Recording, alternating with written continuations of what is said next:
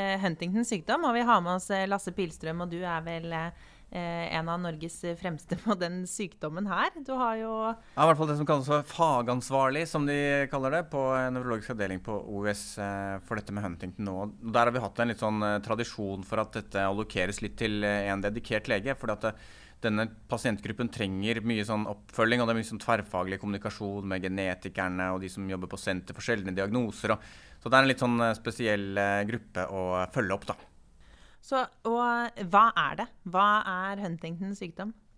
Huntington er en nevrodegenerativ eh, hjernesykdom som er eh, autosomalt dominant arvelig. Og det er en bevegelsesforstyrrelse som, eh, hvor Korea er den mest- kjente manifestasjonen, men også mange andre hva er. Korea? Ja, Korea er jo sånne ufrivillige bevegelser, hyperkinesi, som er av litt sånn rykkete, uregelmessig, ikke noe fast mønster, kanskje dominerer i Nå, er det jo podkast, så dere kan ikke se hva jeg gjør. Litt men- sånn dansende, er det ikke det man Litt dansende. Det betyr Ja. jo dans. Og så er det jo litt sånn eh, rykk typisk i sånn mellomstore ledd eh, dominerer kanskje. Sånn eh, håndledd, skulder. Kan være både i eh, armer og bein og eh, trunkus, nakke, munnparti. Uregelmessig. Ikke de samme mønstrene som repeterer seg. Ganske flytende, sånn at det ikke liksom er eh, mer sånn stramninger som dystoni. Ikke regelmessig som tremor. Men et helt uregelmessig mønster. Og egentlig så, så pleier vi å si at, at det er på en måte en slags overdrivelse av den lille rastløsheten som man kan ha i kroppen spontant. Det er litt morsomt ved Huntington at av og til så, så kommer jo disse pasientene inn sammen med pårørende. Og så, og så kan man sitte og se litt etter disse bevegelsene, og så kan man se på kona eller eh, en ledsager som man vet at ikke har sykdommen, så ser man at de gjør jo ganske mye sånne bevegelser, de også. Ja. Og så blir man oppmerksom på hvor er egentlig grensen mellom det normale og det unormale her. Da. Og det å, å vite at pasienten har Huntington-mutasjonen, gjør jo noe med hvilket blikk man får. Eh, men de, det er en overdrivelse av den samme rastløsheten. Det som mye flere eh, LIS vil ha sett, er jo dyskinesier som bivirkning av eh, levodopa-behandling ved Parkinsons sykdom. Og det ligner jo veldig.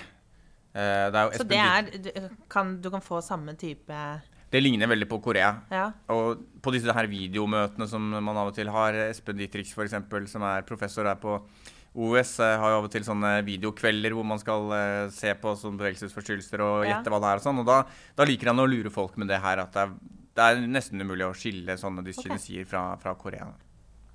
Eh, Huntingtons sykdom, hvem, hvem er det som får det? Du nevnte akkurat at det, var, at det er en genetisk eh, sykdom. Nesten sånn her, eh, textbook example, som de ville kalt det på engelsk. At det, er en- en sykdom som har veldig høy penetrans. Det betyr at har du genfeilen, så får du sykdommen. Og så er det også sånn at eh, veldig mange andre sykdommer er sånn at det finnes mange forskjellige gener som kan gi den samme fenotypen, det samme kliniske bildet. Det, det, det finnes noen unntak ved Huntington også, men, men det er veldig sånn én-til-én-forhold mellom fenotypen, altså det kliniske bildet, og eh, genotypen, genfeilen. Ett gen, én fenotype og nesten 100% penetrans.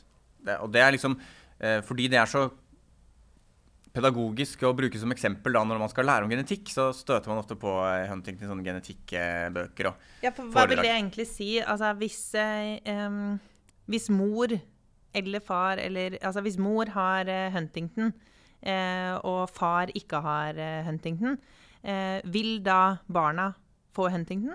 Da har barna 50% sjanse. Så du Ja. trenger bare én syk genkopi, arvet fra mor eller far, for å uh, utvikle sykdommen. Er det noe forskjell på jenter og gutter, da? Eh, nei. Men det er jo de antall de her repetisjonene av den genfeilen. At man har hørt om man har sånn grense, at du kan på en måte ligge helt opp til grensa for å få sykdommen. Men, eller, eller er det sånn at Ja. det er helt svart-hvitt, at enten så får du det, eller så får du ikke? Eller kan det være noe sånn Nei, det er det er sånn vanskelig å vurdere? som du sier. Akkurat som en god del andre nevrodegenerative sykdommer, ataksier f.eks., så er eh, dette en sånn eh, triplett, triplett ekspansjonssykdom, som betyr at det er kagg, kagg, kagg, kagg, kagg i genomet, da, et sted hvor det er normalt eh, en god del repetisjoner. Typisk sånn kanskje mellom 15 og 20 sånne kagg-repetisjoner. Og så er det blitt en ekspansjon, sånn at det er hakk i plata, flere repetisjoner etter hverandre enn en normalt. Og der er det sånn at man regner at hvis du har 40 eller flere sånne kagg-repetisjoner, så har du på en måte 100 penetrans hvis du har normal livslengde. Da. Så da Ja, får men du da får du sykdommen. Ja. Hvis du har mellom 36 og 39, kanskje publisert to tilfeller eller noe sånt med 35, men sånn fortsatt står nok i de fleste lærebøker. 36-39 repetisjoner, så er du i gråsoneområdet og kan utvikle sykdom, men kan også slippe unna. Og så nevnte vi det også med at eh, om det er gutt eller jente, men hvis det er mor eller far som har det, det har vel noe Ja. å si? Det er riktig. Så da er det inne på et sånt fenomen som vi har i genetikken som heter antisipasjon, som er sånn at hvis du først har en sånn ustabil repetisjon, at den først har forlenget seg, så er det ved meiosen, når du danser en kjønnscelle, en risiko for at den forlenger seg ytterligere. For da er det blitt et sårbart punkt kan du si, i genomet, og det er en tendens til at det da blir mer alvorlig fenotype gjennom generasjonene. Og der er det forskjell på om den meiosen skjer i en kvinnekropp eller en mannekropp. Altså, eh, og det, ved Huntington så er det sånn at det er verre på en måte statistisk da, å arve sykdommen fra far enn å arve den fra mor. Da er sjansen litt høyere for at du har fått en litt lengre, litt flere repetisjoner enn din far. Og på en måte sånn sett fått et mer alvorlig sykdomsbilde. da. Men om du selv er gutt eller jente, har ikke noe å si. Hvis du er veldig mye høyere enn 40 repetisjoner, da, har det noe å si det, eller får du liksom den samme type sykdommen når samme ti- alder ved debut, eller liksom Ja, er det- Det er den viktigste liksom, prediktoren vi kjenner for uh, tidspunktet for sykdomsdebut, og hvor alvorlig sykdom du får, er hvor mange sånne KG-repetisjoner du har. Så man kan si at det vanlige er at sykdommen begynner mellom 35 og 50 års alder. Men den kan også være, begynne helt i, allerede i tenårene eller barnealder, såkalt juvenil Huntingtons sykdom. Men de vil ha spesielt høye sånne KG-repetisjoner, ofte kanskje mer enn 60. Eh, og da vil jo de typisk ikke få barn, ikke sant? så da, Så da stopper på en måte arverekken der, da. Så det er jo resultat av sånne forverringer av uh, mutasjonen når, uh, når man får så tidlig debut. Men dette må jo være veldig komplisert å snakke med pasientene om, da. Fordi Eller nå vi- er det jo veldig komplisert bare for meg. Så jeg tenker jo mer sånn Hva er det? Altså, disse, du sa sånn det er, Ja, du har disse symptomene, du har korea, men er, er det noen andre ting man skal tenke på? Eller er det, hvilke andre symptomer? Hva er den på en måte typiske Huntington-pasienten? Ja, er liksom, Vi pleier å si at det er symptomer i tre store hovedgrupper. da, Motoriske og psykiatriske atferdsmessige symptomer og kognitive symptomer. Eh, og Det er veldig individuelt i hvilken rekkefølge disse kommer, og hvor mye hver enkelt pasient har av de ulike gruppene av symptomer. da. Og er det noe typisk eh, symptom som man ofte debuterer med? Er det noe, hva, hva, sånn, hvis du sitter på fastlegekontoret eller på legevakten eller vi på poliklinikken helt i start, er det noen spesifikke ting man på en måte skal se etter eller tenke sånn Oi, kanskje det her er den spesielle Riktig. sykdommen? Det som er trikket der, er, er at uh, det du sier er spesifikt. Det er et nøkkelord. For Ja. at det, er bevegelsesforstyrrelsen som er det mest spesifikke. Men det er ikke Forskningen tyder på at det like gjerne kan være andre symptomer som kommer først. Men da er det mye vanskeligere å kjenne sykdommen igjen. Og faktisk også vanskelig egentlig å diagnostisere den. Så for de psykiatriske og atferdsmessige symptomene, sånn som tendens til depresjon, angst, irritabilitet, at man får litt kort lunte, blir litt hissig, eh, kanskje har dårlig innsikt i sykdommen, eh, det er jo veldig uspesifikke ting. Som er depresjon er er- jo kjempevanlig, og Ja. alle mulige slags eh, stressorder og andre faktorer kan jo gi et sånt bilde. Og hvis du vet du har potensielt har en arvelig sykdom også, så kan du vel være kanskje Ja, mer akkurat. utsatt for å få depresjon. det er jo veldig og interessant at, eh, at man faktisk av og til ser at uh, pasienter som også har vokst opp i nær eh, med, med andre uh, familiemedlemmer som har dette bildet, og så er de veldig nervøse for å få det selv, så kan du utvikle en del av faktisk av disse symptomene selv. Til og med noen kan vise litt av de motoriske symptomene også når de blir stressa. Også noen ganger viser det seg at de da ikke har genfeilen, men allikevel har på en måte nesten arvet den fenotypen. eh, Det er ikke noe som jeg har sett personlig veldig ofte, men det er bare så veldig interessant sånn overføringsmekanisme der, da. Men andre du sa, Så du sa psykiatriske og Motoriske Og, motoriske og kognitive. og kognitive. Der er det sånn, der, eh, sånn subkortikalt mønster, som vi kaller det. At det ikke ligner på Alzheimers sykdom, med at det er glemsomhet og orienteringsvansker som dominerer, men det ligner mer på den svikten man kan få ved Parkinson eller leverlegemedemens, med demens, hvor det er liksom eksekutive funksjoner, sånn som gjennomføringsevnen, evnen til multitasking, evnen til å planlegge, som, som uh, lider først. Kan det skje også tidlig i, i sykdomsforløpet? Ja. Så det kan òg, både det og de psykiatriske symptomene kan også være på en måte debutsymptomer. Ja. Mm.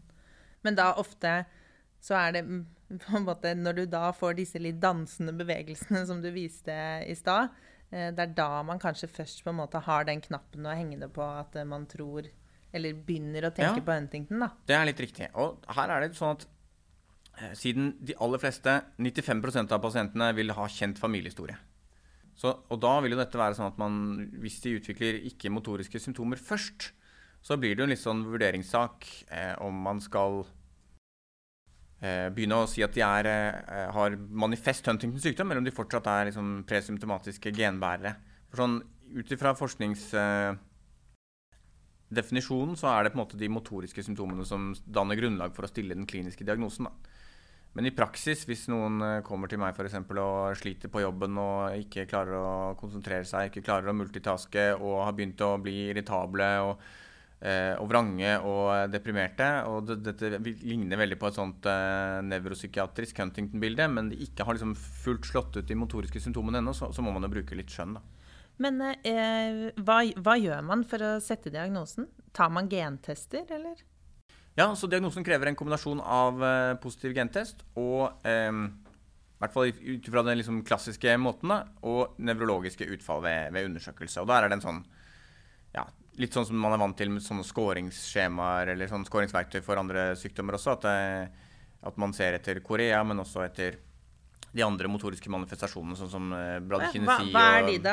Har man noe skåringsverktøy på Huntington, eller? Ja, det er sånn Unified Huntington's Disease Rating Scale, da, som er det som okay. Brukes mest i dag. Og mange har kanskje brukt Unified Parkinson's Disease Hunting Scale eller andre sånne tilsvarende skalaer for andre, for andre sykdommer. Ja. NIOSS forslag, for så vidt. Det, det ligner jo liksom på det. Ja. At man, at man uh, har en, eh, bare en standardisert måte å kvantifisere symptombyrden på. Da.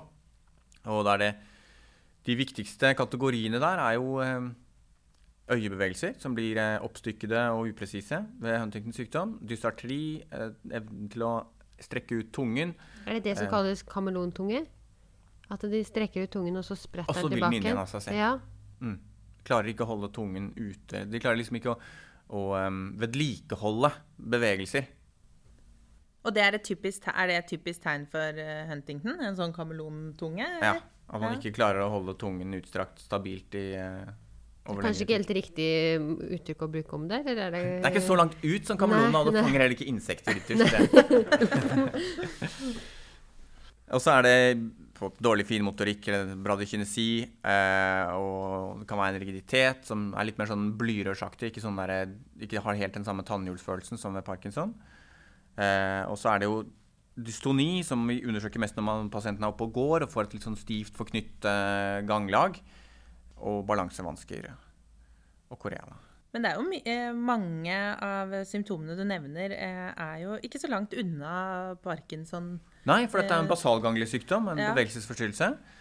Og det handler absolutt om de samme systemene i hjernen. Og noen pasienter kan også ha på en måte en eh, helt klart parkinsonisme og så ha litt grann nytte av levodopa. Det er veldig få, da, men, Ja. men noen har det. Er det annerledes eh, klinikk fra de yngste pasientene til de, eller de som har, har juvenil Ja, de med juvenil er, er litt større sannsynlighet for å ha en litt sånn akinetisk, mer sånn parkinsonistisk lignende fenotype. Så de få som jeg har sett som har glede av det, eh, av, av levodopa, ville ha vært, eh, hatt veldig tidlig debut. Altså litt vanligere syns jeg at de har sånn pyramidebanefunn med spasisitet eh, og hyperrefleksi og sånn, de som er litt yngre. Og de eh, yngre, hvilken aldersgruppe var det, sa du? Altså man, har, man har dette som kalles for juvenil Huntingtons sykdom, da, med debut før 18 års alder. Som på en måte, men det er jo bare en arbitrær grense som for forskningsformål og som har betydning for inklusjon til studier og sånne ting. Eh, så det å Alle som har debut før 30, vil jo på en måte være i den veldig den tidlige enden, da. Men, men eh, det begrepet juvenil er knyttet til eh, før 18. Men er det, er det noen som kan debutere med det her liksom før tiårsalder, års alder, eller er det på en måte Det har aldri jeg sett, men det, i, i litteraturen det så er- forekommer nok det hvis man har helt ekstreme sånne ekspansjoner. Og den vanligste alderen for debut, da?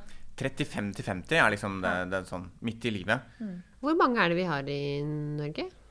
Altså det, det vet vi ikke helt nøyaktig, men ofte så oppgis et anslag på 350 pasienter i Norge. Ja. Og de, da må du jo tenke at de er Hvis man sånn for enkelhets skyld da, sier at de får sykdommen når de er 40 og dør når de er 60, så har de også levd med, med genfeilen fra 0 til 40. som altså er dobbelt så lenge som de egentlig hadde sykdommen. Mm. Så hvis du tar med genbærerne også, så ville du tro at de var 700, og at pasientene, de manifeste pasientene er 350. Så da har du i overkant av 1000 pasienter som har denne genfeilen, da, hvis du skal se på hele den gruppen. Og spontanmutasjon, da? Det, er eller er det alle Ja, du kjenner til? Og Det har betydning for, for, for diagnostikk, og det er kanskje interessant for dere som jobber eh, ute i klinikken og ikke liksom får pasienter som har denne merkelappen på seg allerede når de kommer inn, sånn som de gjør eh, hos meg. da. Ca. 1 av 20, 5 vil ikke ha positiv familiehistorie. Okay. Og da kan det selvfølgelig hende at det var postmannen som var far og sånne ting. Men det kan også hende at det er en nymutasjon. At, at, eh, at man da har ligget på et sånt eh, mor, og far, en eller, mor eller far har ligget eh, litt grann under 35 mutasjoner, og så har det hoppet opp og blitt eh, En antisipasjon. eh, Ja, og, Ja. og det kommet inn i den symptomatiske eh, rangen av eh, KAG-repetisjoner for første gang i den familien. Og det som er viktig da for diagnostikk, er jo å vite at dette er en veldig enkel gentest. Man trenger, hvis man mistenker dette, hvis det er en pasient som har en bevegelsesforstyrrelse som kan ligne på Korea, som man ikke vet hva, helt hva er, lav terskel for å teste. Ja, For for det- det er, men kan, eh, kan fastleger og sånn, kan de òg teste, eller burde de bli Ja. Men hvis du er potensielt bærer, da, eller du er i familie med noen som har Huntington, da er det kanskje viktigere Da er det et helt annet sånn testopplegg, program. Ja. For da, da snakker vi om presymptomatisk testing, som er noe helt annet enn en diagnostikk. Men gjør man det systematisk? Altså, eh, vil eh, barn til foreldre med Huntington, da, tester de seg? Er det vanlig å på en måte teste seg før noen eh, symptomer har debutert i det hele tatt? Og dette er jo en viktig personlig beslutning da, for de som eh, er risikopersoner, som man kaller dem før de har testet seg. Og så det, kan man få presymptomatiske bærere når de har testet seg, men ikke har utviklet symptomer. For de som er risikopersoner, så er dette noe de skal bestemme helt selv. Det skal ikke liksom, bestemmes av noen andre for dem. Eh, og de må være over 18 år for å ta den beslutningen. Og eh, da er det et eget program som drives av eh, Avdeling for medisinsk genetikk da, på universitetssykehusene. Hvor de skal gjennom eh, genetisk veiledning og forstå hva, de, hva det er de sier ja til. Om de skal få svaret. De skal ha, dette skal gjøres gradvis, så de først får de bare informasjon. Og så skal de først ta blodprøve gang nummer to. Man har en vurdering med psykolog om at de vil kunne tåle et dårlig svar, som vi kaller det. Det er liksom kultur for å ikke si negativ eller po- positiv, for det er ikke alle pasienter som forstår. Nei. Så man må si dårlig svar og godt svar. Eh, kan de takle et eh, dårlig svar, og så skal de liksom fortsatt eh, være sikre på at de ønsker å få svaret når det foreligger også. Så det kan ta et halvt til et år, eh, hele den prosessen med å gjennomgå sånn presymptomatisk testing. Så gjør de det. Og så eh, helt til slutt, eh, Lasse. Har, vi noe, eh, har man noe behandling? Nei, i dag så har vi jo ikke noe kausal behandling eller en sånn målrettet behandling mot selve sykdomsprosessen. Så det er bare symptomatisk lindrende behandling i dag. Men det har vært masse forskning da i senere år som Det har akkurat vært noen store skuffelser der det var eh, en eh, fase 3-studie som man håpet veldig skulle vise en bremsende effekt. Eh, som ble avsluttet, dessverre, eh, for bare noen uker siden. Eh, antagelig fordi at resultatene pekte ikke i positiv nok retning. Eh, så det var en stor skuffelse, men, men der er likevel håp om at det skal bli gjennombrudd på, på den fronten eh, i løpet av de kommende årene. Da. Eh, ja, vi snakker jo akkurat om at det ikke er noen konkrete behandlingsmuligheter for pasienter med Huntingtons sykdom. Men du har tidligere nevnt at eh, en del av de har eh, litt manglende sykdomsinnsikt. Og så vet vi at Mm. når motoriske symptomene utvikler, så vil de ha økt hjelpebehov. Og Det er her den store innsatsen til helsevesenet ligger for denne sykdommen. Da. For som jeg sa, så er det jo sjelden dette er en diagnostisk utfordring, fordi de kommer med kjent familiehistorie. Eh, men det er en stor og ressurskrevende utfordring å ivareta disse familiene. Og der er det jo sånn at det må på en måte gradvis gjennom sykdomsforløpet fases inn mer og mer hjelpetiltak. Typisk sånn tverrfaglig med fysioterapeut og logoped og ergoterapeut. Og kommunen må på banen, og etter hvert så trenger de tilpasset bolig. Det finnes rehabiliterings, spesialiserte rehabiliteringsprogrammer på Vikersund og eh, Tromsø, som er veldig veldig bra. Hvor de har alle disse yrkesgruppene på plass og masse erfaring og kompetanse.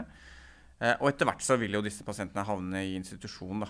Og det finnes masse sånn hjelpemidler de kan ha nytte av. og eh, Mye sånn tverrfaglig arbeid, og man må jobbe med arbeidsgiver når det er i tidlig fase. Og man må jobbe mye med familien. og ansvarsgruppemøter, og da hele den, eh, den pakken med oppfølging der. Da. Og det er mange som er flinke på dette rundt i landet. Og her, det er noe som heter Senter for sjeldne diagnoser her på OS, som også er gode rådgivere og støttespillere i denne her prosessen. Da. Og er det ikke laga en veileder?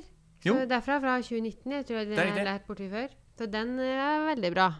Men nå har vi jo eh, vært innom flere Hvis du skal oppsummere da, alt det her, det var det viktigste å kunne om Huntingtons sykdom på maks tre minutter. Ok, Huntingtons sykdom er en neurodegenerativ, arvelig autosomalt dominant hjernesykdom. Og de aller fleste pasientene eh, er allerede i familier som er kjent med at de har Huntingtons sykdom. Derfor er det sjelden en diagnostisk utfordring, men det er veldig mye utfordringer med å ivareta disse familiene. Når det er eh, ukjent familiehistorie, så er det allikevel veldig enkelt å eh, diagnostisere hvis man kommer på muligheten. Man ser kanskje eh, Korea-lignende ufrivillige bevegelser og tenker kan det være Huntington? Ja, Da er det billig og enkelt å ta denne gentesten for KAG-repetisjoner i HTT-genet og få et sikkert svar kjapt og enkelt. Og dette er et skoleeksempel på en sånn sykdom hvor vi har sånne etiske dilemmaer knyttet til om man skal teste seg eller ikke teste seg. Fosterdiagnostikk, eh, ikke fosterdiagnostikk. Eh, så det brukes så mye som eksempel av sånne genetikere og medisinsk etikere knytta til det med genetisk testing. Da. Eh, og Der er det veldig viktig å være var og følsom for eh, de enkelte familienes eh, måte å takle dette her på. Da. Flott. Tusen takk for at du kom, Lasse. Tusen takk for at jeg fikk komme.